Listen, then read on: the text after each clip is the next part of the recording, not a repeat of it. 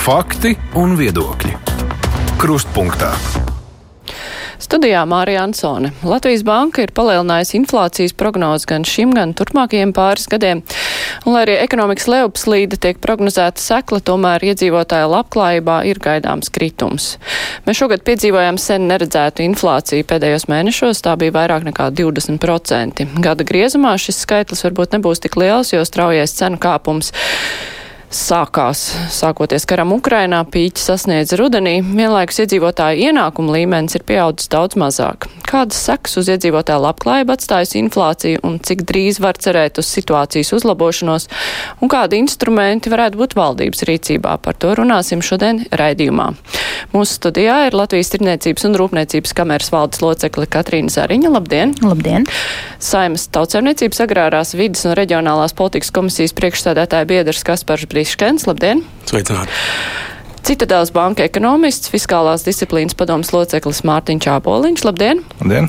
Un Latvijas pašvaldības savienības padomnieks tautsēniecības jautājumos Aino Salmiņš, labdien! labdien. Āboliņ kungs, vispirms raksturojot situāciju, mēs kaut kā esam nu, diezgan mierīgi, nu tā tīri šķiet psiholoģiski mierīgi uzņēmuši, nu ir milzīga inflācija, jā, varētu būt sliktāk. Bet, nu, kopumā, nu, kā jūs raksturot šo situāciju? Ir traģiski, ir slikti, varētu būt sliktāk, nu, kā to noraksturot, jo citās Eiropas Savienības valstīs, kur inflācija ir mazāka krietni, tur tāda sajūta, ka to uztver vēl asāk nekā mēs ar it kā tādu pieradumu. Um, nu, noteikti uztver ziņā uh, mums tā vēsturiskā pieredze ir daudz spēcīgāka. Mums bija jau 7, 8 gads, ļoti augsta inflācija. Mums vēl daudz atceras 90. gadu. Inflācija rietumu pasaulē, Eiropā šāda veida inflācija nav bijusi kopš 80. gadiem faktiski nu, tādā dzīvā atmiņā jau stipri, stipri mazāk ir. Tāpēc nu, tiešām tāds, tāda asāka uztvere ir. Otrs, kas, protams, mums maina to uztveri, ir uh, Ukraiņas kara tuvums, kas mums ir daudz tuvāk un kas varbūt teiksim, tādā emocionālā uh, plānā skatoties ir, ir jūtīgāks jautājums nekā teiksim, tās ekonomiskās sekas, ko mēs tiešā veidā varam saistīt ar šo karu. Jo tiešām, lai arī inflācija auga, un mēs redzējām jau arī janvārī, februārī, tomēr nu, tāds, tāds ļoti izteikts cenu lēciens tiešām sākās no mārta. Tie seši mēneši, nu, tāds kopš 90. nebija tik, tik strauji redzēts. Uh, bet citādi skatoties uz ekonomiku, nu, tā situācija nav arī tik traka. Faktiski, varbūt bijām gaidījuši pat, pat sliktāku. Sasmies, darba tirgus kopumā ir labs, um, tiksim, bezdarbs ir zems, cilvēki darbu var atrast, ienākumi aug, aug tajā pašā ātrumā, aptuveni kā pirms tam. Nu, tādas lielas reakcijas uz inflāciju nav. Protams, šogad samazinās, un to mēs redzam, ka maisiņcībām finansiālā situācija kļūst sarežģītāka neaug uzkrājumi, aug kaut kur patēriņa kredīti. Nu, mēs, nu, to, to redzēt, ka, ka tiešām tā, tā finansiālā situācija vismaz daļā sabiedrības ir, ir daudz saspringtāka nekā, nekā viņa bijusi pirms tam. Bet, teiksim, nu, tādā tā plaši makroekonomiski skatoties, nu, tādu kritumu, kas izraisītu uzņēmumu maksāt nespējas vai, vai bezdarba pieaugumu, nu, pagaidām mēs vēl neesam redzējuši, ceram arī neredzēt. Nu, protams, mums ļoti liela teiksim, neskaitība, kāda vispār šī ziema nākamais gads iztīsies. Bet nu, no tāda aspekta teiksim, mēs reiķinām mājokļu izmaksas.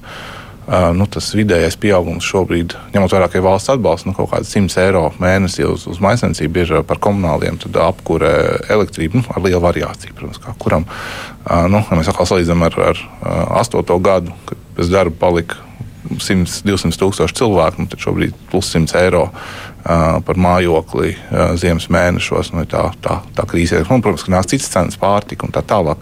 Tas to situāciju padara sarežģītu. Bet, bet vismaz pagaidām es teiktu, ka ir pat nedaudz labāk nekā mēs varbūt bažījāmies, kad šis karš tikko sākās. Uzņēmējiem tāpat ir. Bija trakākas gaidas nekā realitāte izrādījās.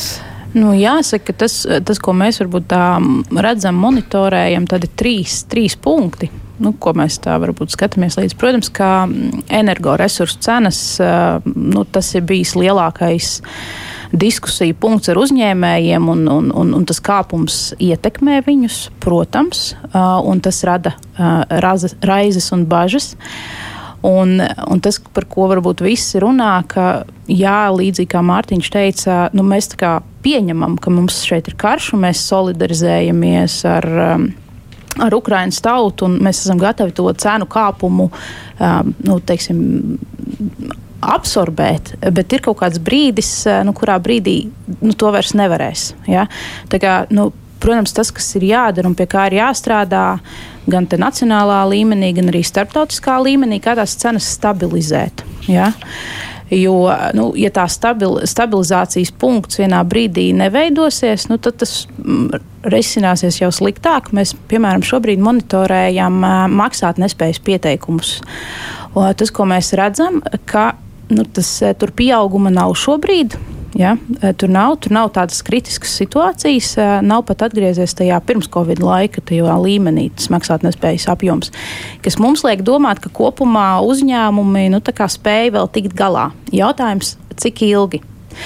Uh, otrs stāsts ir, protams, par spiedienu uz algām. Ja, jo, ja mājsaimniecībai izmaksas kāpj, dažādos jā, aspektos, gan, gan, gan, gan pārtikai, gan, gan apkurei, gan elektrībai, gan arī visam pārējam patēriņa grozam, tad, protams, nu, ko cilvēks dara?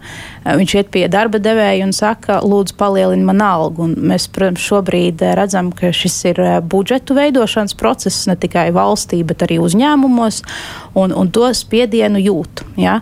Un šeit, protams, tad, ja mēs runājam jau tālāk, tad tas, tā ir tā saruna, ko mēs vedam jau gadiem. Tas ir sloks uz darba spēka nodokļiem, arī uz dažādiem, dažādām papildus izmaksām darbiniekiem, eh, kas viņiem palīdzētu tikt galā ar to izmaksu slogu.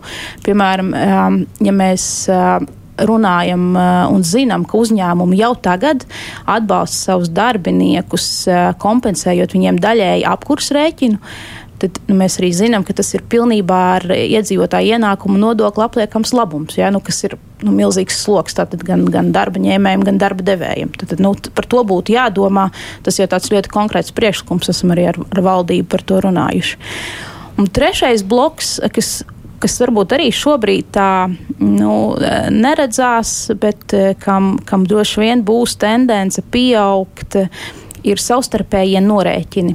Ja, gan starp uzņēmumiem, gan starp uh, uzņēmumu un, un to tiešo patērētāju, ja personu, ka šie maksājumi varētu sākt kavēties.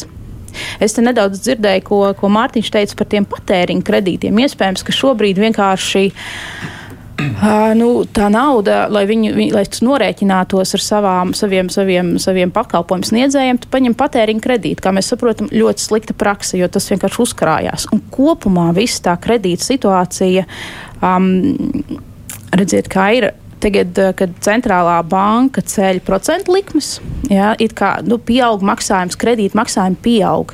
Pieaug gan iedzīvotājiem, gan uzņēmumiem, Uh, viens ir, ka pieaug, otrs ir, ka tā pieejamība samazinās. Un te ir vēl viens tas punkts, uh, ka, piemēram, ja mēs runājam par uzņēmumiem, ļoti daudzi savus uzkrājumus jau apēda Covid laikā. Un, un tas, tā, tā, tā vieta, ja, no kuras uh, tos izdevumus sekt, uh, nu, viņi samazinās. Tas ir vēl viens aspekts, uh, kas arī, arī jāņem vērā. Bet atbildot uz to pašu lielo jautājumu, ja mēs skatāmies tos sentimenta rādītājus, es, mums tagad divi. Viens ir, kas ir mūsu futurum, kas ir šeit nacionālais, nav tik slikti kā pirms Covid, bet nu ir slikti. un, un tad, ir, tad ir mēs esam tāds Eiropas tirzniecības rūpniecības kameru biedrs, un viņi veic ikgadēju starptautisku pētījumu Nu, tur, ir, eh, tur ir starptautiski sliktākie rādītāji vispār pēdējos 30 gados. Ja? Nu, tur ir tāds, tāds, tāds kritiens. Strauji kritiens tādā eh, sentimentā par to, kā tas būs. Protams, pa valstīm atšķirās, bet tas, tas vidējais slimnīcā ir, ka, nu, ka viss būs slikti.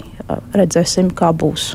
Jā, nu, par tām atsevišķām sadaļām, ko Zariņas kundze minēja, mēs vēl iziesim cauri. Vēl pašvaldības, kuras eh, vistiešāk jūt to momentu, kad eh, cilvēkiem maisaimniecībām paliek grūti. Un tie ir cilvēki, kuri nāk pēc eh, pabalstiem. Um, kā ir pieaudzis šo cilvēku skaits, trūcīgo skaits un cik daudz tur parādās, ja vispār ir tādi dati? nu, ar strādājošiem cilvēkiem, kuriem, kuri pelna, bet viņi nevar vienkārši nopelnīt pienācīgi, lai viņi nomaksātu visus savus rēķinus. Nu, jāsaka, ka trūcīgo skaits ir pieaudzis ievērojami. Tie ir 44,000. Tas ir 16. gada līmenis. Pieaugs arī maznodrošināto skaits. Nu, tā loģika jau ir tāda, ka, ja, ja mēs runājam par to, ka saistībā ar enerģētiku tas sadārdzinājums bija 2,1 miljards, visa veida valsts atbalsta bija apmēram miljards. Tad liekam kopā uzņēmējs, liekam kopā mājasemniecības. Patīk, nepatīk, tas miljards mājasemniecībām ir jāpārnes. Un, Tā lieta ir tāda, ka mēs esam pašlaik šīs situācijas pašā sākumā. Ja mēs analizējam rēķinus, tad pirmās nomaksas pēc rēķiniem sāksies pēc kaut kāda 20. decembra. Tātad decembra beigās mēs zināsim patieso situāciju par novembri. Un tur mēs redzam, ka tas pieaugums ir. Tas, tas, tas ir viens no tiem stāstiem. Ja mēs analizējam šo inflācijas uh, datus, tad no tiem 21%, kas ir pašlaik septiņi ar kapekām vai trešā daļa, ir energoresursi. Tas ir stabils. Pēc tam ir pārtika tikpat daudz. Un tad tur panāks transporta zāles un tam līdzīgi tās lietas. Nu, un kas ir sevišķi bīstami tajā apstākļā, ka mēs esam mēģinājuši trāpīt tajā valsts atbalstā.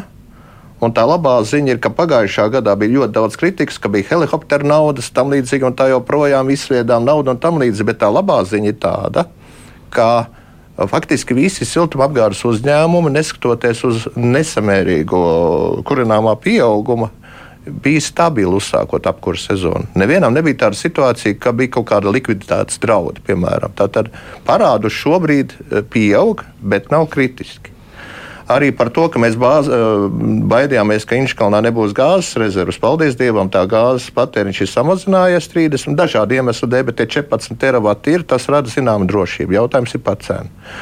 Līdz ar to nu, mēs esam tā mēreni piesardzīgi ar domu, ka tas patiesais stāvoklis par iedzīvotāju spējām samaksāt un, un, un, un veikt šos norēķinus parādīsies kaut kādā februārī. Tas ir tas kritiskais punkts. Labā ziņa ir tas, ka kurināmā cenas tagad jau palikušas samērīgas gan elektrībai, gan gāzei, taču mēs zinām, ka iestājoties augstam laikam, un tā Eiropa nu, ir tāda drebulīga atkal pēc, tiem, pēc tām prognozēm, ka atkal šis patēriņš varētu paaugstināties. Tā kā mēs esam mēreni piesardzīgi šajā lietā. Nu, ir ļoti daudz jautājumu, kas saistās ar pabalstiem. Mēs esam tagad tikuši ar tiem slaveniem malkas pabalstiem bez čeka, tikuši galā. Nu, tur faktiski 95% aizgāja šī nauda no, no, no tiem 13 miljoniem, ko tagad pašvaldības izmaksājuši. Vai tas bija samērīgi vai nesamērīgi? Es domāju, tas bija tāds vairāk tāds samērniecisks un mierinošs efekts, jo nu, 200 pāri tūkstošu mājsaimniecībām izmaksāt 70 eiro, vai tas deva efektu? Ne, nu, drīzāk tas bija psiholoģisks rakstura efekts ar, ar mērenu pelēkās ekonomikas uh, veicināšanu, ja, jo, bet neko citu labāk mūsu valdība nemācīja atrast. Jo nu, nu, nu, ir lietas, par ko mums droši vien būs jārunā vēlāk. Ka, nu jā, nu tas brīdis bija tas, kad viss saskārās ar situāciju jau tā kā postfaktum. Nu, ka ir jārisina problēmas lietām, kuras jau ir notikušas, acīm redzot. Varbūt tā arī ir kaut kāda savā ziņā problēma. Bet, nu, savalkot to visu kopā. Uh, Šeit izskanēja divas lietas. Viens ir jautājums, kā stabilizēt cenas, tāpēc, ka ilgstoši to kāpumu nevar izturēt ne uzņēmēji, ne iedzīvotāji. Otra lieta ir, nu, kādu konkrētu atbalstu sniegt tam cenu kāpumam, kurš jau ir piedzīvots. Vai jūsuprāt, valsts no savas puses ir izdarījusi visu to, ko vajadzēja izdarīt, lai risinātu abas šīs puses? Gan domājot par to, ka cenas ir jāstabilizē, gan ka ir jāatbalsta iedzīvotāji un uzņēmēji? Es domāju, ka jāsāk ar precīzu eh, problēmas diagnozi. Jo šobrīd nereti inflācija tiek skatīta atrauti no citiem kritiskiem parametriem. Tā skaitā iekšzemes koproduktu, bezdarbu. Es noteikti tur liku klāt arī tekošā konta bilanci, mūsu importa, eksporta attiecību. Un tad pastīties tādā kopējā kopskatā. Jo šobrīd tas, ko dara Eiropas centrālā banka, arī ar Latvijas bankas atbalstu, kā padomus locekļi, eh, protams, skatās tikai, nu, viņa mandāts ir rūpēties par inflāciju Protams, ka viņi ir nogulējuši šo inflācijas uh, kāpumu, bet mēs varam padiskutēt, teiksim, vai arī tur problēma ir precīzi diagnosticēta. Un, protams, ka kāpjot procentu likmēm, pēc ļoti ilga, teiksim, tādas vieglākas naudas, pietiekami liels drukāšanas perioda, kas lielākoties tā nauda iegāja ne tik daudz ekonomikas reālā sektorā, cik tomēr dažādu veidu aktīvu burbuļos, kas varbūt neuzrādās tajā virsraksta inflācijā, bet mēs redzam, ka aktīvi tirgos arī ir pietiekami liela burbuļi. Un tad, ja mēs paskatāmies uz citiem parametriem, nu, piemēram, ASV centrālajai bankai ir divkāršs mandāts rūpēties gan par inflāciju, gan par bezdarbu. Eiropas centrālajai bankai tāda mandāta nav. Tāpēc mēs redzam, ka pirmkārt ir uzskats, ka pamatā dominē tā saucamie pieprasījuma puses faktori, nu, ka ir vai nu pārāk daudz naudas sadrukāts, ekonomikā, ekonomika ir pārkarsus, ka veidojās eh, cenu algu spirāli, un līdz ar to tā vienkāršotā recepte ir palielināsim procentu likmes. Bet, ja mēs paskatāmies teiksim, uz tām sekām ekonomikā, pirmkārt, nu, mūsuprāt, uh, un mēs redzam ne tikai Eiropas Savienības ekonomikā, tostarp Latvijas ekonomikā, bet arī citur pasaulē, nu, lielākoties tomēr to inflāciju veicina nevis pieprasījuma puses, bet piedāvājuma puses faktoru. Un šeit mēs nerunājam tikai par Krievijas-Ukrainas karu, jeb Krievijas agresiju Ukrajinā, ko arī mūsu pašreizējā koalīcija arī savā valdības deklarācijā nu, mēģina paslēpt aiz šī kara priekškara ļoti daudz neizpildīts mājas darbus. Bet arī citur pasaulē mēs redzam, ka šie piegāžu puses uh, faktori, tā skaitā Ķīnas, Covid politika, pasaules piegāžu ķēdes, jaunatīstības valstu ražošanas kapacitātes, kas samazinājušās, tās ir tādas jau struktūrāls pārmaiņas, kuras bija sākušās jau pirms Krievijas iebrukuma uh, Ukrajinā un ko nevar vienkārši tā norakstīt. Nu, tagad ar procentu likmēm mēs to korģēsim. Mums arī Latvijā mēs redzam, ka uh, inflācija, piemēram, energo uh, sadaļā, pārtiks sadaļā mums ir augstāka nekā citur Eiropā. Te neiet runa par to, ka mums teiksim, patēriņa grozā ir lielāks īpatsvars uh, energoresursiem un, un, un, un ar mājokli saistītiem, pārtiks saistītiem produktiem. Mums arī šajās komponentēs absolūtais pieaugums ir lielāks. Un šeit atsedzās tie lielie neizpildītie mājas darbi ilgtermiņā. Nu jā, bet Par tieši tas, skaidro, jā, tas skaidrojums parasti ir, kāpēc uh, Rietuma Eiropā inflācija ir daudz mazāka. Tāpēc, ka viņi ir tālāk no kara, tāpēc, ka viņi viņu ir vairāk. Nu, tas ir parasti tas vienkāršais, bet eh, nu, kā tad skaidrot, nu, kāpēc tā tīri objektīvi? Viņi patērē tos pašus resursus kā mēs. Es domāju, ka šeit ir viens faktors, kas ir tīri objektīvs. Jautājums, ar ko mēs salīdzinām? Un, ja mēs salīdzinām savas algas ar pieaugušiem resursiem, tas ir viens no izskaidrojumiem, kāpēc tā ietekme uz Baltijas valstīm ir krietni augstāka nekā citur. Un, un tā ir tā lieta, kāpēc tas spiediens uz algām ir objektīvs. Tiesa gan viņš ir sāpīgs gan pašvaldībām, gan uzņēmējiem, jo uzņēmēji nevar atļauties tāpat kā pašvaldības, bet kaut arī viens iemesls.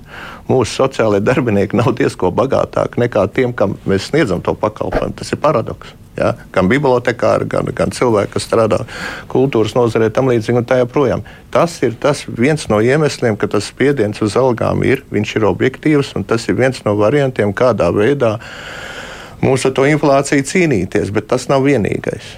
Bet, nu, kas tad ir vēl tie faktori, kas padara šo inflācijas skaitli pie mums tik lielu, nu ne jau tikai pārtikas un algas attiecības? Nu, manuprāt, Latvijas banka šajā ziņā ir diezgan, diezgan labi pētījusi. Viņa mēģinājusi tiešām skatīties, ja mums ir pār 20% eiro, ir nedaudz eirozonā kopumā ir nedaudz pār 10%, 10% atšķirība. Uh, nu, tā ļoti labi objektīvi mēs pusi varam izskaidrot. Mēs esam nabadzīgāki, mēs vairāk tērējam pārtikai, enerģijai. Uh, mums ir īsāks piegāžu ķēdes, un tur nu, teiksim, daudz tie, tie objektīvie faktori, ko mēs tiešām varam parādīt. Un tad ir kaut kāda daļa, nu, kas, ko ir grūti izskaidrot, kāpēc tiešām es domāju, ka tur ir gan nu, tādas varbūt mūsu vēsturiskās pieredzes. Mēs esam raduši, ka inflācijas varbūt ir bijusi vēlme jau kādu laiku celt cenas. Te ir izdevība, mēs kaut kur varbūt vienkārši paceļam. Uh, bet nu, tas izmaksu kāpums tik, tik liels, ka kādam šobrīd pārmest, ka nu, nepamatot pārcelt cenas arī nu, tā, tā pagrūti. Krievijas tūmus noteikti mums ir tomēr piegādes no turienes dažāda veida izējuma materiāli, ko mēs ņemam, kas bija daudz ātrāk jāparorientē uz citiem tirgiem, varbūt nekā tas ir Eiropā. Tur tiešām nu, daudz tādu, tādu faktoru algas mums aug, ātrāk ir augušas. Ne tikai šobrīd mums aug, algas ātrāk, mums ir nu, kaut kāda ienākuma konverģence. Mums jau pēdējos nezinu, 5, 6, 7 gadus tas alga kāpums ir bijis diezgan, diezgan labs. Nu, Pietiekami stabils. protams. Jā, jā, jā. Tā, tur tie, tie faktori tiešām pilnībā nu, tā, tā, tā viegli nav izskaidrojams. Bet kas ir, ko, ko mēs redzam, ka tas nav. Latvijas fenomens, Lietuva, Igaunija tieši tādā pašā situācijā. Un faktiski mēs paskatāmies arī citas valsts, nu, arī Polija un citas austrumē Eiropas valsts, nu, tā kopumā tā inflācija uz Aust Eiropas austrumiem ir lielāka nekā viņa ir rietumē Eiropā. Tāpēc nu, tie ir kaut kādi nu, tādi gan objektīvi faktori, gan arī nu, kaut kādā brīdī, es nezinu, vai tas ir bailes, vai tas vienkārši izmantojam situāciju, varam pacelt cenas. Tur, tur ir katrā, katrā konkrētā situācijā bijis šī tā, tā, tas skaidrojums cits. Ja, ja mēs nu, ienirstam, tad varbūt tajās nozarēs, kur ir vislielākā inflācija, teiksim, pārtiks ražošana. Mm. Skaidrs, ka mēs diezgan daudz joprojām importē, eksportējam izēvielas, importējam gala produktus. Mums ir salīdzinoši vāji attīstīta kooperatīva. Valsts nav investējusi tajā, lai teiksim, attīstītos kooperatīva, vertikāli integrēta uh, ķēde, kurā arī ražošana tiek veikta Latvijā. Mēs arī redzam, ka arī nu, lielveikaliem ir nosacīti diezgan liela ietekme, un, protams, viņi rūpējās par savu peļņas maržu. Līdz ar to tā iespēja eh, risināt uh, pārtikas rūpniecības tematiku nu, ir ierobežota. Valsts nav pietiekami investējusi. Energo nozare ir vēl acīm redzamāka. Skaidrs, ka gāzes lobby ietekmē mēs nu, vairākus pat gadu desmitus neinvestējām atjaunīgos energoresursus. Mēs redzam, ka visā pasaulē šobrīd, ņemot vērā, cik ļoti krītās atjaunīgo energoresursu izmaksas, tas sāk lielā mērā radīt spiedienu arī uz fosiliem resursiem tāpēc mēs redzam to tendenci, ka arī fosilie resursi krītās, un tā tendence noteikti, noteikti ilgtermiņā saglabāsies. Sabiedriskais transports vāji integrēts, eh, nereti nepieejams, tā skaitā cilvēkiem ar īpašām vajadzībām. Tas arī mūsu ekonomiku padara ļoti atkarīgu no, no, no, no privātajām automašīnām, līdz ar to no, no degvielas cenām. Mājokļu pieejamība. Viena no lielām inflācijas komponentiem ir mājokļu izmaksas. Skaidrs, ka ja īres cenas Rīgā eh, nezinu, studentiem, kas studē divas dzīvokļi, maksā 600-700 eiro, nu, skaidrs, ka tas diezgan ātri ienāk arī inflācijas ciprā. Un visbeidzot, un tas arī no uzņēmēja puses skatoties, nu, mums ir šis paradoks, ka uh, no vienas puses investori un darba devēji sūdzās, ka mums nav pieejams darba spēks, no otras puses mums no 1,8 miljonu iedzīvotājiem ekonomiski aktīvi ir tikai 900 tūkstoši, tikai puse. Tajā pašā laikā mums ir veselas uh, ilgtermiņa struktūrāli bezdarba grupas, gan jauniešu vidū, gan jaunās māmiņas, kas nevar integrēties tirgū pēc, pēc, pēc, pēc bērniņa, cilvēki pirms pensijas vecumā, cilvēki ar īpašām vajadzībām. Tas ir milzīgs neizmantotais darba spēka tirgus, ar ko varētu menedžēt arī šo pašu teiksim, spiedienu uz, uz darba algām. Diemžēl valsts struktūrālā politika līdz šim nav adresējusi šos jautājumus. Ja mēs ilgtermiņā to būtu darījuši, tad mums tā inflācija noteikti nebūtu divreiz lielāka kā citur Eiropā. Bet, eh, nu, runājot par spiedienu uz darba algām, Zariņš kundze jau arī minēja, ka tagad ir spiediens paaugstināt algas. Eh, tie pēdējie cipari laikam bija pieci, cik tur eh, komats procenti, kas ir gada griezumā, algu pieaugums, kas ir vairāk nekā vidē Eiropas Savienībā, bet tajā pašā laikā arī tā, nu, salīdzinot ar to, ka inflācija pie mums ir daudz lielāka, tad arī mūsu darbinieki neizjūt šo pieaugumu tik daudz. Viņš noēdās. Viņš noēdās. Jā, tas pieaugums tiek noēsts ar inflāciju. Tieši tā, un, bet tajā pašā laikā nu, tas pieaugums no darba devēja viedokļa ir liels. Vai tomēr? Nu, ja mēs skatāmies, un ja, būs, nu, ja, ja mēs ņemam uzņēmumu nezinu, nu, ar 250 darbiniekiem, un mēs parēķinām, ka algu fonds pieaug par 5%, nu, protams, ka tās ir, nu, tās ir ļoti ievērojams izmaksas. Ja? Tas nav tā, nu, ka es tā vienkārši nu, tā brīvi to varu izdarīt. Jo pieaug jau ne tikai tās darba spēka izmaksas, ja? pieaug arī visas pārējās izmaksas. Un šeit par tiem, par tiem eksporta tirgiem runājot, ja, mēs jau esam tādā globālā situācijā. Mums, mūsu uzņēmumi pamatā pelna eksporta tirgos. Ja, tas ir tas, kas būtībā dzen to mūsu ekonomiku uz priekšu. Bet, ja arī tajos ārējos tirgos tā inflācija aug un arī tā maksātspēja un pieprasījums samazinās, tad, protams, arī tas mūsu uzņēmumu, ja spēja pelnīt, arī samazinās. Ja? Un, un viņi tad ir tādās, nu, tādās spīlēs, ja viņi īsti nevar samaksāt ne tam darbiniekam, eh, ne tur kaut kā samazināt tās izmaksas. Ja, jo viņas, ir, viņas eh, tiek eh, ietekmētas no citiem ārējiem faktoriem. Ja, tas nav pat viņa, viņa spējās to, to izdarīt. Un tajos ārējos tirgos viņš vairs nevar pārdot, jo tur arī tā maksātspēja ir samazinājusies. Un, un tāpēc uh, Tāpēc šobrīd varbūt mēs vēl tā nejūtam visu to, nu, to, to, to, to lielo, lielo sāpīgo ietekmi. Bet te, te var piekrist, ka tas, tas vilnis jau tikai ir tā, tā kā sācies, ja viņš jau tikai kļūs lielāks. Un arī nu, dzirdot kolēģi šodien studijā, protams, ka mums tā ekonomiskās attīstības um, politika nu, ir bijusi diezgan vāja. Viņa ir bijusi ilgtermiņā vāja.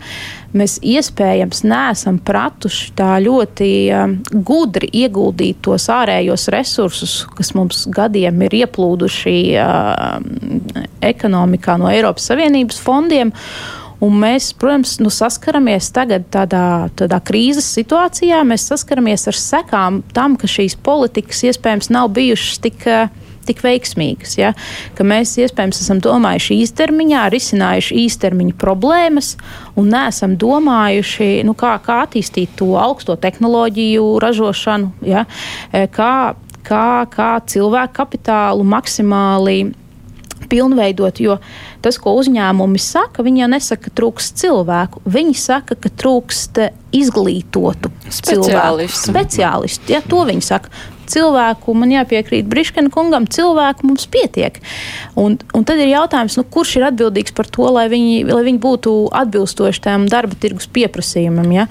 Uzņēmumi mēs paši LTRK mums ir šī atbalsta programma, ko mēs um, uzturam, neuzturam, bet um, pārvaldam, ja, kur darba devēji var apmācīt savus darbiniekus, celt viņu kvalifikāciju, ja, nu, kas ir milzīgs ieguldījums arī no Eiropas Savienības līdzekļiem, kas palīdz uzņēmumiem kļūt konkurētspējīgākiem ārējos tirgos. Un tad, protams, viss šis uh, energoresursu cenas, energoefektivitāte. Nu, kā tāda, ja, uh, kur Un par energoefektivitāti mēs reizēm tā domājam, nu, māju siltināšana. Nu, tā ļoti šauri. Nu, kad es saku energoefektivitāte, daudz droši vien domā māju siltināšanu, bet nu, energoefektivitāte jau ir plašāks. Arī industriālā energoefektivitāte, ja tā tad jaunākas iekārtas, tās, kas, kas, mums, kas mums rūpnīcās daudz viet ir, tās tomēr ir novecojušas iekārtas, kas iespējams iegādātas lietotas. Ja? Un, un tad ir stāsts, nu, kā, kā arī to, to industriālo energoefektivitāti celt, arī tās viss, visu to bloku. Uh, Un, nu, tur, tur patiesībā, ja mēs tā šķetinām, tad to, to apakšā, to, to iemeslu, kādēļ mēs esam, esam tur, kur esam, ir ļoti daudz. Tad ir, mums būtu jārunā par to, ko darīt un ko darīt tālāk, gudrāk. Mēs tagad esam nākamajā fondu plānošanas periodā. Nu, jācer, ka mēs spēsim investēt gudrāk, tālredzīgāk, uh, bet, bet uh, nu, kur man ir bažas, uh, es ceru, ka nepiepildīsies. Uh, ka mēs atkal būsim spiesti dzēst tos tagadējos šodienas ugunsgrēkus. Un mēs vienkārši dzēsīsim ar to naudu tos ugunsgrēkus, un mēs atkal netiksim tālāk. Un pēc kaut kāda laika, nu, kaut kā ekonomikā jau ir tas cikliskums, ja? un pēc kaut kāda laika mēs atkal būsim šādā pašā sarunā, iespējams, un, un domāsim, nu, ko mēs atkal izdarījām nepareizi. Ja? Tajā, Bet, nu, arī par tiem nodokļiem, ja, par tiem darba spēku nodokļiem un par tām algām. Nu, par to ir nu, tas ir jārisina. Mēs nevaram, mēs nevaram turpināt tā kā līdz šim. Un, un šeit, šeit mēs jau jūtam tādu nu, no, no, no, no, no valdības puses tīri dēļ tā, ka mēs mēģinām mazināt tos patēriņa faktorus. Ja? Ir tāda, tāda, nu, tāda pretspiediens nodokļu mazināšanai. Jo ko nozīmē mazināt darba spēka nodokļus? Tas visdrīzāk nozīmē, ka cilvēkam uz rokas paliek vairāk mm. līdzekļu. Ja viņam paliek vairāk līdzekļu, iespējams, ka viņš vairāk pērk. Tad no tādas klasiskas teorijas, ja viņš vairāk pērk, inflācija iet atkal debesīs. Kaut gan mums jau tas ir tas, ko es sākumā teicu. Mums ir cita problēma. Mēs vairs nespējam samaksāt. Nav jau no kā. Ja? Darba devējiem nav no kā samaksāt tam darbiniekam, un tam darbiniekam tālāk nav ko samaksāt tos rēķinus. Mēs esam tādā nu, aplī. Ja, ja drīkst papildināt to darbinieku kvalifikācijas tēmu, nu, krīzes pēc definīcijas ir ļoti, ļoti netaisnīgas. Tāda bija Bankas Baltijas krīze, tāda bija 8. un 9. gada krīze. Lielākoties sit pa cilvēkiem, kuriem ir mazāk kvalificēti, kuriem pilnīgi noteikti vai nu nav uzkrājumi, vai ir maz uzkrājumi, kuriem kopumā ir, ir mazāk ienākumi. Un šeit mēs arī redzam, teiksim, arī Latvijas bankas prognozēs, šobrīd mums bezdarba līmenis atkal tikai ekonomiski aktīvo iedzīvotāju vidū, mēs nerunājam par tiem, kas vispār nav darba tirgu, ir 7%. 7%. Latvijas banka paredz, ka nākamgad tie būs 8%. 1% punkts bezdarba pieaugums, tie ir 9000 strādājošie. Tas nozīmē, ka gandrīz 10 000 strādājošie nākamgad saskaņā ar Latvijas bankas prognozēm zaudēs darbu. Un tāpēc, ka Latvijas banka nav atbildīga par nodarbinātību, tāpēc viņi var nu, pietiekami viegliprātīgi šādām prognozēm uh, iestartēt. Un, diemžēl, ja mēs paskatāmies pašreizējās valdības deklarācijā, tad tur arī ir šī, nu, tur tiek lietot termini precikliska fiskālā politika, bet pēc būtības tā ir procikliska fiskālā politika. Ja tiek runāts par to, ka teiksim, investīcijas vajag mazināt, vajag tagad rūpēties par valsts ārējā parāda proporcijas uh, samazināšanu, tad, ja mēs paskatāmies uz tiem desmit tūkstošiem, kas būs nu, nosacīti darba tirgus neaizsargātākā daļa, kas savu darbu zaudēs, ja mēs paskatāmies uz visām tām investīcijām, kas jau tagad pieaugušu procentu likmju rezultātā var tikt atliktas, nu, tad tas ir tiešākais ceļš uz tādu stagflācijas scenāriju. Nevis uz seklu recesiju, kā, kā, kā to norāda Latvijas Banka, bet uz dziļāku recesiju un turpinošu inflāciju. Jo arī šīs augstākās eh, procentu likmes viņas lielā mērā to inflāciju turpinās uzturēt. Pat pie tā, ka stabilizēsies energo uh, tirgus. Tad uh, nu, tas īsais rezumējums, ja mēs runājam par to, uz ko cerēt var iedzīvotāji, ir, ka uz, nu, viņi, pareizāk sakot, nu, darba ņēmēji viņi nevar cerēt uz tādu algu pieaugumu, pirmkārt, kas kaut cik kompensē inflāciju, jo uzņēmumi vienkārši to nevar atļauties. Un uh, tā kā vēl viss sliktākais ir priekšā, tajā skaitā arī uzņēmējiem, tad tam visam papildus var klāt nākt arī bezdarbs. Apmēram tā tas izskatās. Jā, bezdarbs varētu pieaugt, tas, tas pietiekami ticami. Nu, šobrīd nav nekas tāds tā dramatisks noticis, teiksim, normāli novembra beigās parasti sezonāli, nedaudz mums kā bezdarbs, tas arī notiek. Uh, tur vienkārši sezonas darba beidzās. Uh, bet nu, mēs redzam, ka tur vakants darba sludinājuma skaits pavisam samazinās. Bet tas, ko mēs jūtam uzņēmēju pusē, ir īstenībā piesardzība. Piesardzība un neskaidrība pašiem par savu, uh, tieši kā um, teica, par savu to biznesu, par savu pieprasījumu, cik man būs teiksim, pasūtījumi, uh, kā man ies. Un te es gribētu teikt, es, es gribētu būt pat nedaudz pozitīvs. Tomēr mums tās krīzes mācības ir bijušas ārkārtīgi daudz. Un, uh, teiksim, esot arī uz, uz dažādu, dažādu nozaru uzņēmēju pasākumos pēdējos mēnešos, vārds recesija, krīze tiek virpināts nepārtraukti. Uzņēmumi par to ļoti aktīvi domā, gatavojas. Un savā ziņā nu, mēs nevarētu šobrīd, nu, teiksim, ja mums pēc jaunā gada ir kaut kādas nu, lielākas problēmas ekonomikā, nu, nevienam tas nebūs pārsteigums. Nu, ja kādam tas ir pārsteigums, tad, tad man, man tiešām ir pārsteigums. Un šajā ziņā, un es domāju, ka darbinieki šeit ir saprotami, tāpēc mēs tādu algu kāpumu visticamāk pagaidām neredzēsim, jo uzņēmumi piesardzīgi saprot, ka ir liela neskaidrība, nezinu, cik būs eksportā. Mēs esam pieredzējuši liels kritums arī eksportā, arī 8. gadā. Un, un es domāju, ka arī darbinieki savā ziņā pagaidām, kamēr tas ir tāds kā arī izraisīt inflāciju, kamēr ir bažas par to, būs kaut kāda krīze, nebūs, nu, ir gatavi nespiest tik ļoti. Tur, kur jā, ir, ir situācijas, kur cilvēkam vienkārši man, man, man vajag, lai es galvu savilku kopā, man piedod, man vai nu ir, vai nu es kaut kur domāju, citas eju prom, braucu prom, vienalga ko vai ne. Bet nu, tā, tā kopumā līdz ar to tā, tā piesardzība, tās mūsu pieredzes. Es pat teiktu, šajā gadījumā nāk nedaudz par labu. Uh, tas, tas, ko, piemēram, Skandinavijas valsts 90. gados, viņiem bija liels savas krīzes 90. gadu sākumā. Piemēram, Skandinavijas valsts bija viena no tām, kas 8. gadā faktiski 8. gada krīzē, 9. gada krīzē tikpat kā necieta. Un daļai tas pēc, ka šī, šī, pieredze bija ļoti, ļoti dzīva. Es domāju, ka tas mums nāk par labu, jo tas, ka mēs runājam, mēs apspriežam, kā tas notiek visdažādākos līmeņos. Par to domā valdība, par to domā uh, uzņēmumi, gan lieli, gan mazi, un kaut kādā mērā cenšas tam gatavoties. Tam vajadzētu būt tam, kas mums palīdz nu, to, to situāciju amortizēt. Tiešām, kas notiks pasaulē nākamgad? Nu, nu, nu, nu, mēs varam prognozēt, mēs varam izdarīt prognozes, pieņēmumus un, un IKP prognozes, teiksim, kas tur IKP mums samazinās, vienalga pusprocents, procents. Uh, bet, bet kas faktiski notiks, nu, to jau mēs īsti nezinām. Bet nu, pēc februāra tad pašvaldības uh, cer uz situācijas stabilizēšanos. Jūs minējāt, ka sliktākais punkts būs tad redzams, vai arī būs vēl sliktāk.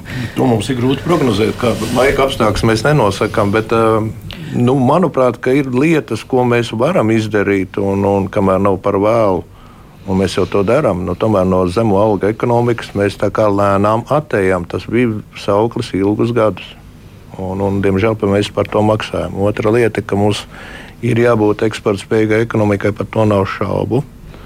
Uh, taču šī gadījumā tām valsts struktūrām, kas nodrošina energoresursus elektrībai, piemēram, un tie visi strīdi par sadales tīkliem un Latvijas energo un, un tam līdzīgām lietām. Šeit ir ļoti liels rezerves, jo pašlaik šiem uzņēmumiem tiek atļauts pelnīt un pelnīt uz krīzes rēķina. Jautājums, cik ilgi mēs varam runāt, ka tas ir tikai 2,7% augstsprieguma tīklam un tam līdzīgi, bet mēs paņemam nevis tās cenas, kas ir tirgū. Mēs paņemam tās lielās cenas, 390 eiro par megawatu mēs rādām nākamā ceturksnī. Kāpēc? Nordpūlis nevienmēr ir obligāts, ja mēs varam slēgt ilgtermiņa līgumus. Līdz ar to tas izlīdzinājums šī brīdī varētu būt arī jautājumā, kāda ir valdības politika īstermiņā. Tas ir tas saucamais agile princips, ka mums šī gadījumā vajadzētu arī pārvidēt napu. Mēs esam uzrakstījuši Nacionālo attīstības plānu, piedodiet, nekas nav noticis. Mums nav krīzes, mums nenotiek karš Krievijā, mums nav enerģētiskā krīze, starp citu, viņa nav. Nav jau enerģētiskās krīzes. Līdz ar to mums ir jāpārkārto šī plānošana, lai viņi būtu maksimāli efektīvi pat arī tajās lietās, kur ministrijas ir vienkārši sadalījušas, piedodiet, pa politiskām interesēm Eiropas finansējumu un dzīvo mierīgi. Šī gadījumā nav nepareizi to, ko tagad jaunā valdība runā par to transformāciju. Kā viņi to saprot? Tas gan ir jautājums, jo es klausos politiķus. Man liekas, ka viņiem ir ļoti daudz dažādu versiju, kā viņi paši to saprot. Bet katrā ziņā tāda ātrā revizija ir, ir nepieciešama un iespējams arī, ka ir vajadzīga arī valsts intervencija īstermiņā, tiešām ierobežot šo peļņu, lai palīdzētu cilvēkiem. Bet tajā pašā laikā pareizi te saka, ka eksporta spējīga uzņēmēja darbība iespējams tas ir nu, viens no nosacījumiem, kā mums izvilkt. Tas tik tiešām ir. Otrs, kas pašvaldībām nu, patīk, nepatīk. Tas iekšējais patēriņš. Mēs te, mēs te runājam par kaut kādu mērķu un tēmētiem atbalstiem. Trāpam 5-7%. Pārējiem ir kabatas nauda iedot. Bet cieši apmēram 55% mājasemniecība. Tas ir stabils. Tas, ir sta, tas ir skaidrs, ka iedzīvotāju dzīves līmenis kādā termiņā pazemināsies. Tā attīstība nebūs. Tas iekšējais patēriņš, par ko kolēģi runāja, ja, nu, nu, Diemžēl nu, viņš būs ierobežots tieši uz pārtiku un uz kurināmā. Cita tad, tas apgrozījums. Mēs vienkārši nostagnējam. Bet eh, runājot par eh, energoresursu cenām, valdībai vajadzētu noteikt kaut kur kaut vai peļņas griezts, par kuriem runāja Salmīna. Vajadzētu diskutēt. Pirmkārt, ir labi, nu, par to jau tika runāts eh, no pavasara. Mm -hmm. Latvijā ļoti daudz noliedz šo ideju par, par cenu, sāksim ar cenu grieztiem pēc tam par peļņas, varbūt tādu nu, ātrās peļņas ierobežošanu. Bet sākumā Latvijai smagi nāca arī tas lēmums par cenu grieztiem. Mm -hmm. Tad, kad Eiropā šo lēmumu pieņēma, tad arī Latvijā kaut kā tās slūžas atnāca vaļā. Beidzot, visi samierinājās, ka jā, cenu griezt ir saprātīgs risinājums, lai samazinātu to, to kāpumu. Šobrīd mēs redzam, ka tas mehānisms darbojās. Maisaimniecībām daļai jau tiek kompensēti tie, tie virsnormas pieaugumi. Tas palīdz. Tas palīdz noturēt uh, maisaimniecību pirktspēju. Man prieks, ka arī Latvijas Banka to atzīst. Tas ir precīzi tas, ko arī jūs sakat. Ka, ja mēs zaudēsim aizsardzības pirktspēju, tad pa ķēdīt tas, tas protams, nokausēs, nokausēs ekonomiku un iedzīs mūs dziļākā, dziļākā recesijā. Tas, ko mēs nesen kā reizi eh, arī Saimnes tautsēmniecības komisijā skatījām, bija šie eh, augstsprieguma tīkla un sadales tīkla tarifu pieprasījumi. Skaidrs, ka arī ministrs prezidents ir uzdevis rezolūciju. Faktiski šonadēļ ir termiņš, lai iesniegtu šos jaunos tarifu piedāvājumus. Tam ir ļoti tieša ietekme, protams, uz gala cenu, ko katrs patērētājs no sava maciņa maksā. Un šeit viennozīmīgi jāskatās gan uz to, kā mēs varam kompensēt šo virsnormas pieaugumu, kā mēs varam ierobežot virsnormas peļņu. Mēs redzam, ka no vienas puses Latvijas energo ir Latvijas gāzē, nu, visiem šiem pakalpojumu sniedzējiem ir milzīgas peļņas. Tajā pašā laikā infrastruktūras uzņēmumi gan enerģētikā, gan gāzes apgādē nepārtraukti nāk klajā ar tarifu pieaugumu. Tā skaitā kompensējot savus neiegūtos zaudējumus. Nu, veidojās ļoti neloģiska situācija tajā kopējā vērtību ķēdē, ka no vienas puses teiksim, infrastruktūras turētāji, kam cits starpā arī jāveic ļoti nozīmīgas ilgtermiņa investīcijas gan atjaunīgos energoresursos, gan desinhronizācijā no šī Krievijas-Baltkrievijas energo frekvences, gan dažādās citās jomās. Mēs nevaram teiksim, mūsu infrastruktūras pārvaldītājiem atņemt likviditāti un apturēt šīs kritiskās investīcijas. Bet tas, ka pakalpojums sniedzēji šobrīd izbauda milzīgu peļņu, tas ir viennozīmīgi. Tāpēc arī Eiropā ir šī ļoti pamatotā diskusija, ka principā šāda veida virsnormas peļņu vajadzētu ar nodokli aplikt un tad jau pārdalīt. Vēlams nevis vienkārši izkūpināt kopējā budžeta grozā, bet pārdalīt mērķu dotācijām, investīcijām, nu, piemēram, energo neatkarības veicināšanā risināšanā. Vien, vien, vien, es jums absolūti piekrītu. Visbūtiskākais ir tas, ka tā fiksētā daļa pieaug katastrofāli. Nevis mainīgā. Un tas, tā ir tā infrastruktūras sadaļa. Ja? Un tas jā, ir tas jautājums. Pieslēguma, trīs fāžu pieslēguma. Jā, un, un, un, tas ir tas jautājums, kāpēc kapitāla daļu turētājs nu, līdz šim nav bijis pietiekami atbildīgs savā politikā. Viņš vienkārši ļāvis abiem monopolu stāvokļiem pārmest sadalījuma tīkliem. Un augstsprieguma tīkliem man nav nekāda pamata. Tāpēc, ka viņi ir uzņēmumi, kuriem jāstrādā peļņa, viņi ļoti godīgi uzliks tās cenas. Labi, nu, tas, tās tirgus cenas bija tādas jocīgas, elektrības tā sadaļa bija stipri īpatnēja un, un zuduma bija īpatnēja, bet pa pārējām daļām jau nebija par ko pārmest. Šī brīdī valdībai jāsaka, draugi, mīļie, tā peļņa bišķi jāierobežo un jāpalīdz tiem cilvēkiem tautsēniecībai izdzīvot. Nu, tas ir tas galvenais, kas būs. Šodien arī tas ziņojums ir noslepenots. Es vēl šodien viņu neesmu redzējis. Nu, šodien valdība skata. Nu, jācer, ka tur risinājums būs. Pagaidām neesmu redzējis. Bet, nu, šādam solim tad būtu tāds, nu, kaut kāda ietekme uz inflāciju. Neapšaubām, bet viņai jau tās izmaiņas jau būs tikai uz jāņem. Šī, šī sadaļa, par ko mēs runājam, viņa neskar šo apkursu sezonu. Jā, nu, labi, ka tā no vienas puses. Es domāju, ka viennozīmīgi un enerģētika ir tas jautājums, kur ļoti svarīgi ir, lai mēs nepieļaujam kļūdas. Jo nu, jau teiksim, pēdējie desmit gadi mēs skatāmies, nu, tās enerģijas izmaksas visā Eiropā plus mīnus līdzīgas. Jā, mums pat ar visu laiku nu, bija bijis augstāk, bet, nu, kad mēs sarēķinām, cik tas ir kaut kāda apgrozījuma īpatsvara uzņēmumiem, nu, tās tomēr nebija tik liels summas, lai mēs teiktu, ka enerģētikas cenas mums tāds būtisks kavējošs faktors teiksim, attīstībai vai, vai konkurētspējai. Šobrīd mēs redzam, ka nu, tā situācija mums brīžiem, piemēram, elektrības cenas būtiski atšķiras no Skandināvijas. Ne? Nu, mēs nevaram īsti cerēt, teiksim, ļoti konkurētspējīga ekonomika, ja mums elektrība maksā 3-4 reizes mm. vairāk nekā, nekā tas maksā citās valstīs mūsu reģionā, ar kurām mēs esam vienā tirgu darbojamies un konkurējam.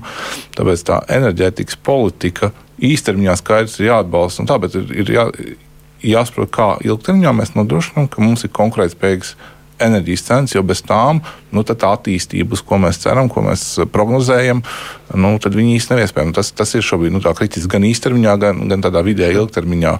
Un tāpēc nu, tur tie sadalījuma tīkli, ja mēs ierēķinām kaut kādas lielas elektrības cenas potenciāli nākotnē, šobrīd ieliekam tarifā, nu, tas, tas, protams, sit pa visu. Un, un, un tas ir, tāds, teiktu, tas ir tāds, tāds kritisks moments, kas, kas tieši ir valsts pusē uh, darāms. Ir tiešām biznesa daudz savas lietas, arī par energoefektivitātēm uh, ir ļoti motivēti šobrīd risināt, un to arī dara.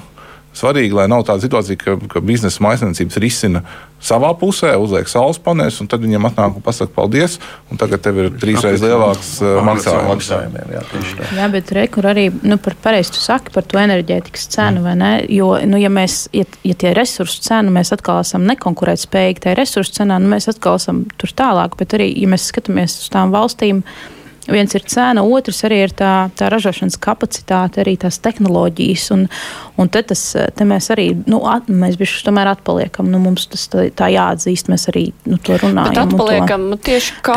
Tehnoloģiski, ne, tehnoloģija attīstības. Kur, kur, kurā pusē tad ir tā bumbiņa, vai tie ir nepietiekoši aktīvi uzņēmēji, vai viņiem ir nepietiekoši pieejami līdzekļi, lai to darītu? Nu, redz, un te mēs te tā, par tām investīcijām mums jārunā, jā. Un, un mēs jau iepriekš pieskārāmies, ka tādos nenoteiktos apstākļos tās investīcijas tiek sabramzētas. Mm. Ja?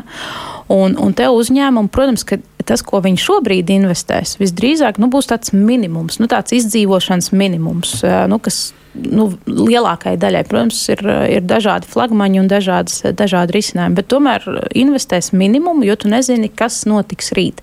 Bet, ja mēs skatāmies atpakaļ tai, tai, tai pagātnē, ja, Tad, protams, ka, nu, tad, kad runā par investīcijām un, un tehnoloģijām un investīcijām tehnoloģijās, tad um, tad tas, tas ir bijušas tās gaidas par valsts atbalstu. Ja? Un, un tas valsts atbalsts iespējams ne visos sektoros ir bijis pietiekami pietiekami atbalstošs. Ja? Nu, gan runājot gan par, par, gan par tiešām investīcijām kā tādām, nu, gan par to vidi kopumā, kur investēt, kā investēt, kāpēc investēt, gan par to procesu kā tādu, ja?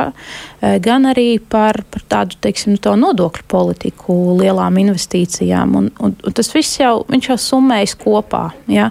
Un, un, un uzņēmumi ir, ir kas, kas aug strauji un kas attīstās un kas redz to, to nākotnes perspektīvu. Un ir, protams, ir, protams, tādi, kas attīstās lēnāk. Ja? Un, un te ir tas, ko es arī jau iepriekš minēju par to kredītu pieejamību. Nav noslēpums, ka mums kredīti ir bijuši dārgāki kā citās valstīs, un tas uzņēmums vienkārši nevar nu, viņš nevar atļauties aizņemties, jo tas maksājums pēc tam viņam ir, nu, ir ļoti augsts. Un te, protams, ļoti pozitīvi, ka savulaik, kurš tas gads bija 17. ja mums ir šis 0%, 0 uzņēmumu ienākumu nodoklis reinvestētāji peļņai, ja, ka, nu, tas tādā veidā mēs veicinām, ka uzņēmumu to savu peļņu liek atpakaļ attīstībā, jo viņam nav jāmaksā uins tiem instrumentiem viņi jau visi nu, viņi jāliek kopā vienā kastītē, jāskatās, e, kā tu kurā situācijā, kas kuram labāk der. Ja? Jo vienam būs kredīts, vienam būs suīns, vienam būs valsts atbalsts nepieciešams. Viņš vienkārši kā, nu, jāskata tādā kopsakarā. Mēs tādā ziņā nu, tas ir par to par to politiku, ja par to napu, piemēram, ļoti labā, labs priekšlikums, manuprāt, būtu vērts eh, politiķiem dzirdēt. Jā, jā. Jo, jo mēs patiešām, eh, nu, mēs rakstījām napu, sanāk, cik jau četrus gadus atpakaļ šķiet, mēs esam atšķirīgā situācijā. Mēs esam pilnīgi citā situācijā. Iespējams, ka tie mērķi un tās, eh, tās politikas, kuras mēs tur esam definējuši, nu, viņas vairs nu, viņas vairs nav dzīvotspējīgas. Mēs esam citā situācijā, mums būtu jāpārskata, jo uz to napu ja, ja mēs esam godīgi. Mēs jau arī plānojam visas tās fondu, Eiropas Savienības fondu un citu ārējo finanšu investīcijas. Un ne tikai tās, arī budžeta investīcijas. Un tad, ja tā paskatās, nu, tāda valdības deklarācija ir, ir ļoti skaists dokuments, bet nu, virs viņa jau stāv vēl visi tie lielie jā, plānošanas dokumenti nu, tur ir hierarhija, ja, kā tu vispār vari kustēties uz priekšu. Un, un politiķi varbūt, eh, varbūt kustās vienā virzienā, bet ierēdniecība jau aizvirzīsies vēl citā. Kā, nu, tur, ir, tur ir jādomā, kā mēs, kā mēs tā strateģiski tomēr. Un, un tādām mūsu valsts interesēm atbilstoši spējam reaģēt. Uh, Un par, tiem, par tām e, cenām, e, sadalījuma tīkliem, augstsprieguma tīkliem, nu, par to ir tik daudz jau diskutēts. Un, un, protams, ka viņi ir monopola stāvoklī, peļņa būtu jāierobežo. Un es viņiem arī nu, savā ziņā nu, mēs visi tā, tā solidarizējamies. Ja? Nu, būtu, es domāju, ka tā vide, biznesa vide arī sagaida, ka viņi arī solidarizēsies ja, tajā savā peļņas, um, peļņas apetītē, nu, ka viņi tā nebūs tik liela. Uh, un ka visi spēs izdzīvot kopā. Nevis kāds izdzīvos un citi dēļ tā eh, nonāks maksātnespējas procesā. Ja.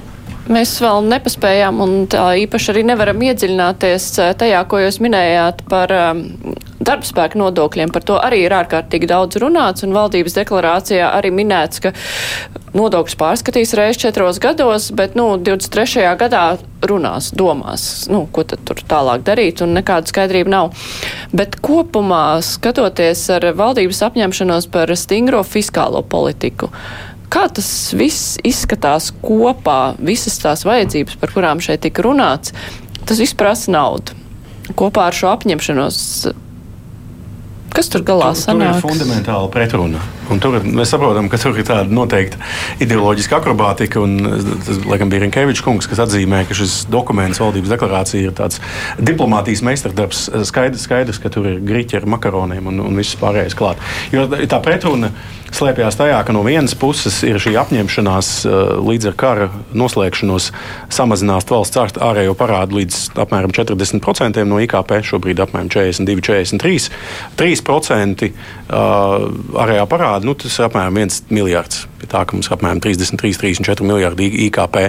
Nu, man būtu interesanti redzēt, kā šī valdība spēs no budžeta ietvara paņemt ārā miljardu. No apmēram 12 miljardu budžeta ir 8 līdz 10% griezums. Tajā pašā laikā, kā, kā jūs precīzi atzīmējat, mums ir visas šīs investīciju vajadzības. Gan enerģētikā, kur, kur noteikti būtu jābūt sinerģijai gan starp valsti, starp pašvaldībām, starp privātiem investoriem. Vācija to perfekti pierādīja. Vācijas lielā attīstības banka KFV kas finansēja šo energo pārēju, tad, kad Vācija atteicās no atomenerģijas vēlējās mazināt arī atkarību no ogļu stacijām, kas šobrīd ir at, at, atjaunojusies. Bet, principā, investīcijas saules un vēja enerģijā bija tā pamat, pamat investīciju virziens. Un Vācija to ļoti sekmīgi arī darīja. Latvija arī teiksim, šeit būtu jābūt valsts investīcijām. Tā izskaitā caur Altumu. Altuma var spēlēt šo katalizējošo lomu, nodrošinot finansējumu. Tur noteikti loma ir jāspēlē arī valsts kapitāla sabiedrībām, vienlaikus netraucējot arī privātajiem investoriem, lai tur neveidotos negodīgi konkurences apstākļi. Valstī ir jāmeklē iespējas atkal sadarbībā ar privāto sektoru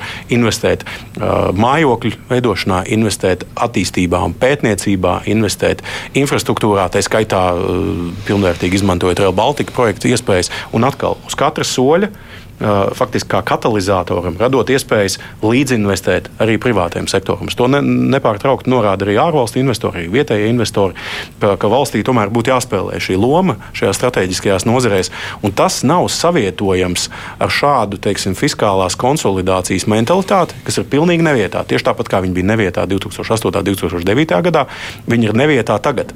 Jo mums tās vajadzības ir šobrīd. Mums šobrīd ir jāinvestē, lai mums būtu veselāki, izglītotāki cilvēki, augstām tehnoloģijām gatavāka ekonomika, ekonomikas transformācija. Mēs nevaram atļauties šobrīd ņemt ārā miljardu pēc miljarda no, no, no, no ekonomikas. Un vienlaikus ko mēs vairāk kārt esam akcentējuši, nespēt sagrabināt pat to vienu eiro, kas Latvijai ir nepieciešams kā nacionālais līdzfinansējums, lai paņemtu 6 eiro no Eiropas Savienības. Tajos fondos, kur mums, piemēram, ir 80%, 85% līdzfinansējums. Jā, mums divas minūtes palikušas. Jūs kā fiskālās disciplīnas padomas eh, pārstāvis. Um, Nē, nu, arī redzat pretrunu?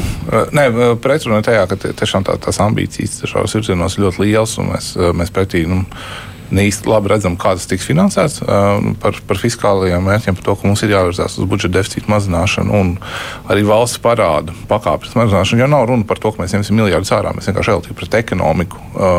Šis svars kļūs mazāks. Uz to ir jāvirzās, un, un te, te mēs redzam divas lietas. Pirmkārt, ir labi, ka mums ir zemes parāds un stabila ekonomika, kad ja mums ir teiksim, ekonomika cikliski gadās krīzes, nevar salīdzināt to situāciju, kādā mēs esam 20. gadā, Covid krīze un šodien, kāda bija 8. gadā, kad jā, valstī bija zemes parāds tajā brīdī, bet privātais sektors bija aizņēmies tik daudz, ka mums vienā brīdī neviens vienkārši neaizdeva. Un tad viss tie labie plāni par kaut kādu attīstību, investīciju, viss aiziet, jo tā vienkārši nav naudas, neviens neaizdod. Ne? Un to, ka mēs atgriežamies pie, pie, pie tā, ka nauda maksā un, un lētas naudas vairs nav tik daudz, mēs redzam, procentu likmes šobrīd, ja mēs pirms pusotru gadu varējām par 0% aizņemties, šobrīd tie jau ir 4 pat vairāk. Mēs redzējām, kā nu, ļoti, tā, tā, ļoti uz izaugsmu vērsta fiskālā politika, teiksim, tāda nefin, neskaidri finansēta Lielbritānijā, faktiski nu, tāda maza finanšu krīzīte izraisīja, vai ne tāda saviņojums, kas arī pie valdības krišanas noveda. Bet tā īsi rezumējot, tas ir savienojums. Mums būs jāsavieno. Mm. Es domāju, tas ir tas, kas mums būs. Mums ir jāstāsta, mums ir objektīvas vajadzības investīcijām, mums ir objektīvas vajadzības izdevumos, bet to fiskālo disciplīnu mēs nevaram aizmirst. Nu, mēs neesam ar neierobežotiem resursiem, un mazai valstī parāds nav veids, kā kāpināt izaugsmu. Grieķija bija valsts ar zemu parādu. Nu jā, tad īsumā rezumējot sarunu, iedzīvotājiem cerēt uz kaut kādu, mums diemžēl laika vairs nav, tūlīt ir jābeidz. Iedzīvotājiem cerēt uz strauju situācijas uzlabošanos nevaram, tajā pašā laikā valdībai šausmīgi sarežģīts uzdevums priekšā un nu, redzēsim, kā tur izdosies. Katrīna Zariņā, Tirniecības rūpniecības kamera, kas, kas, Kaspars Briškens no Saimnes tautsaimniecības komisijas, Mārtiņš Āboldiņš no Fiskālās disciplīnas padomas un Citadāls bankas, Aino Salmiņš no Latvijas pašvaldības savienības. Raidījums izskan, raidījuma producenti ir Evi Junāma, studijā bija Mārija Ansona. Vislabāk, tiekamies arī rīt!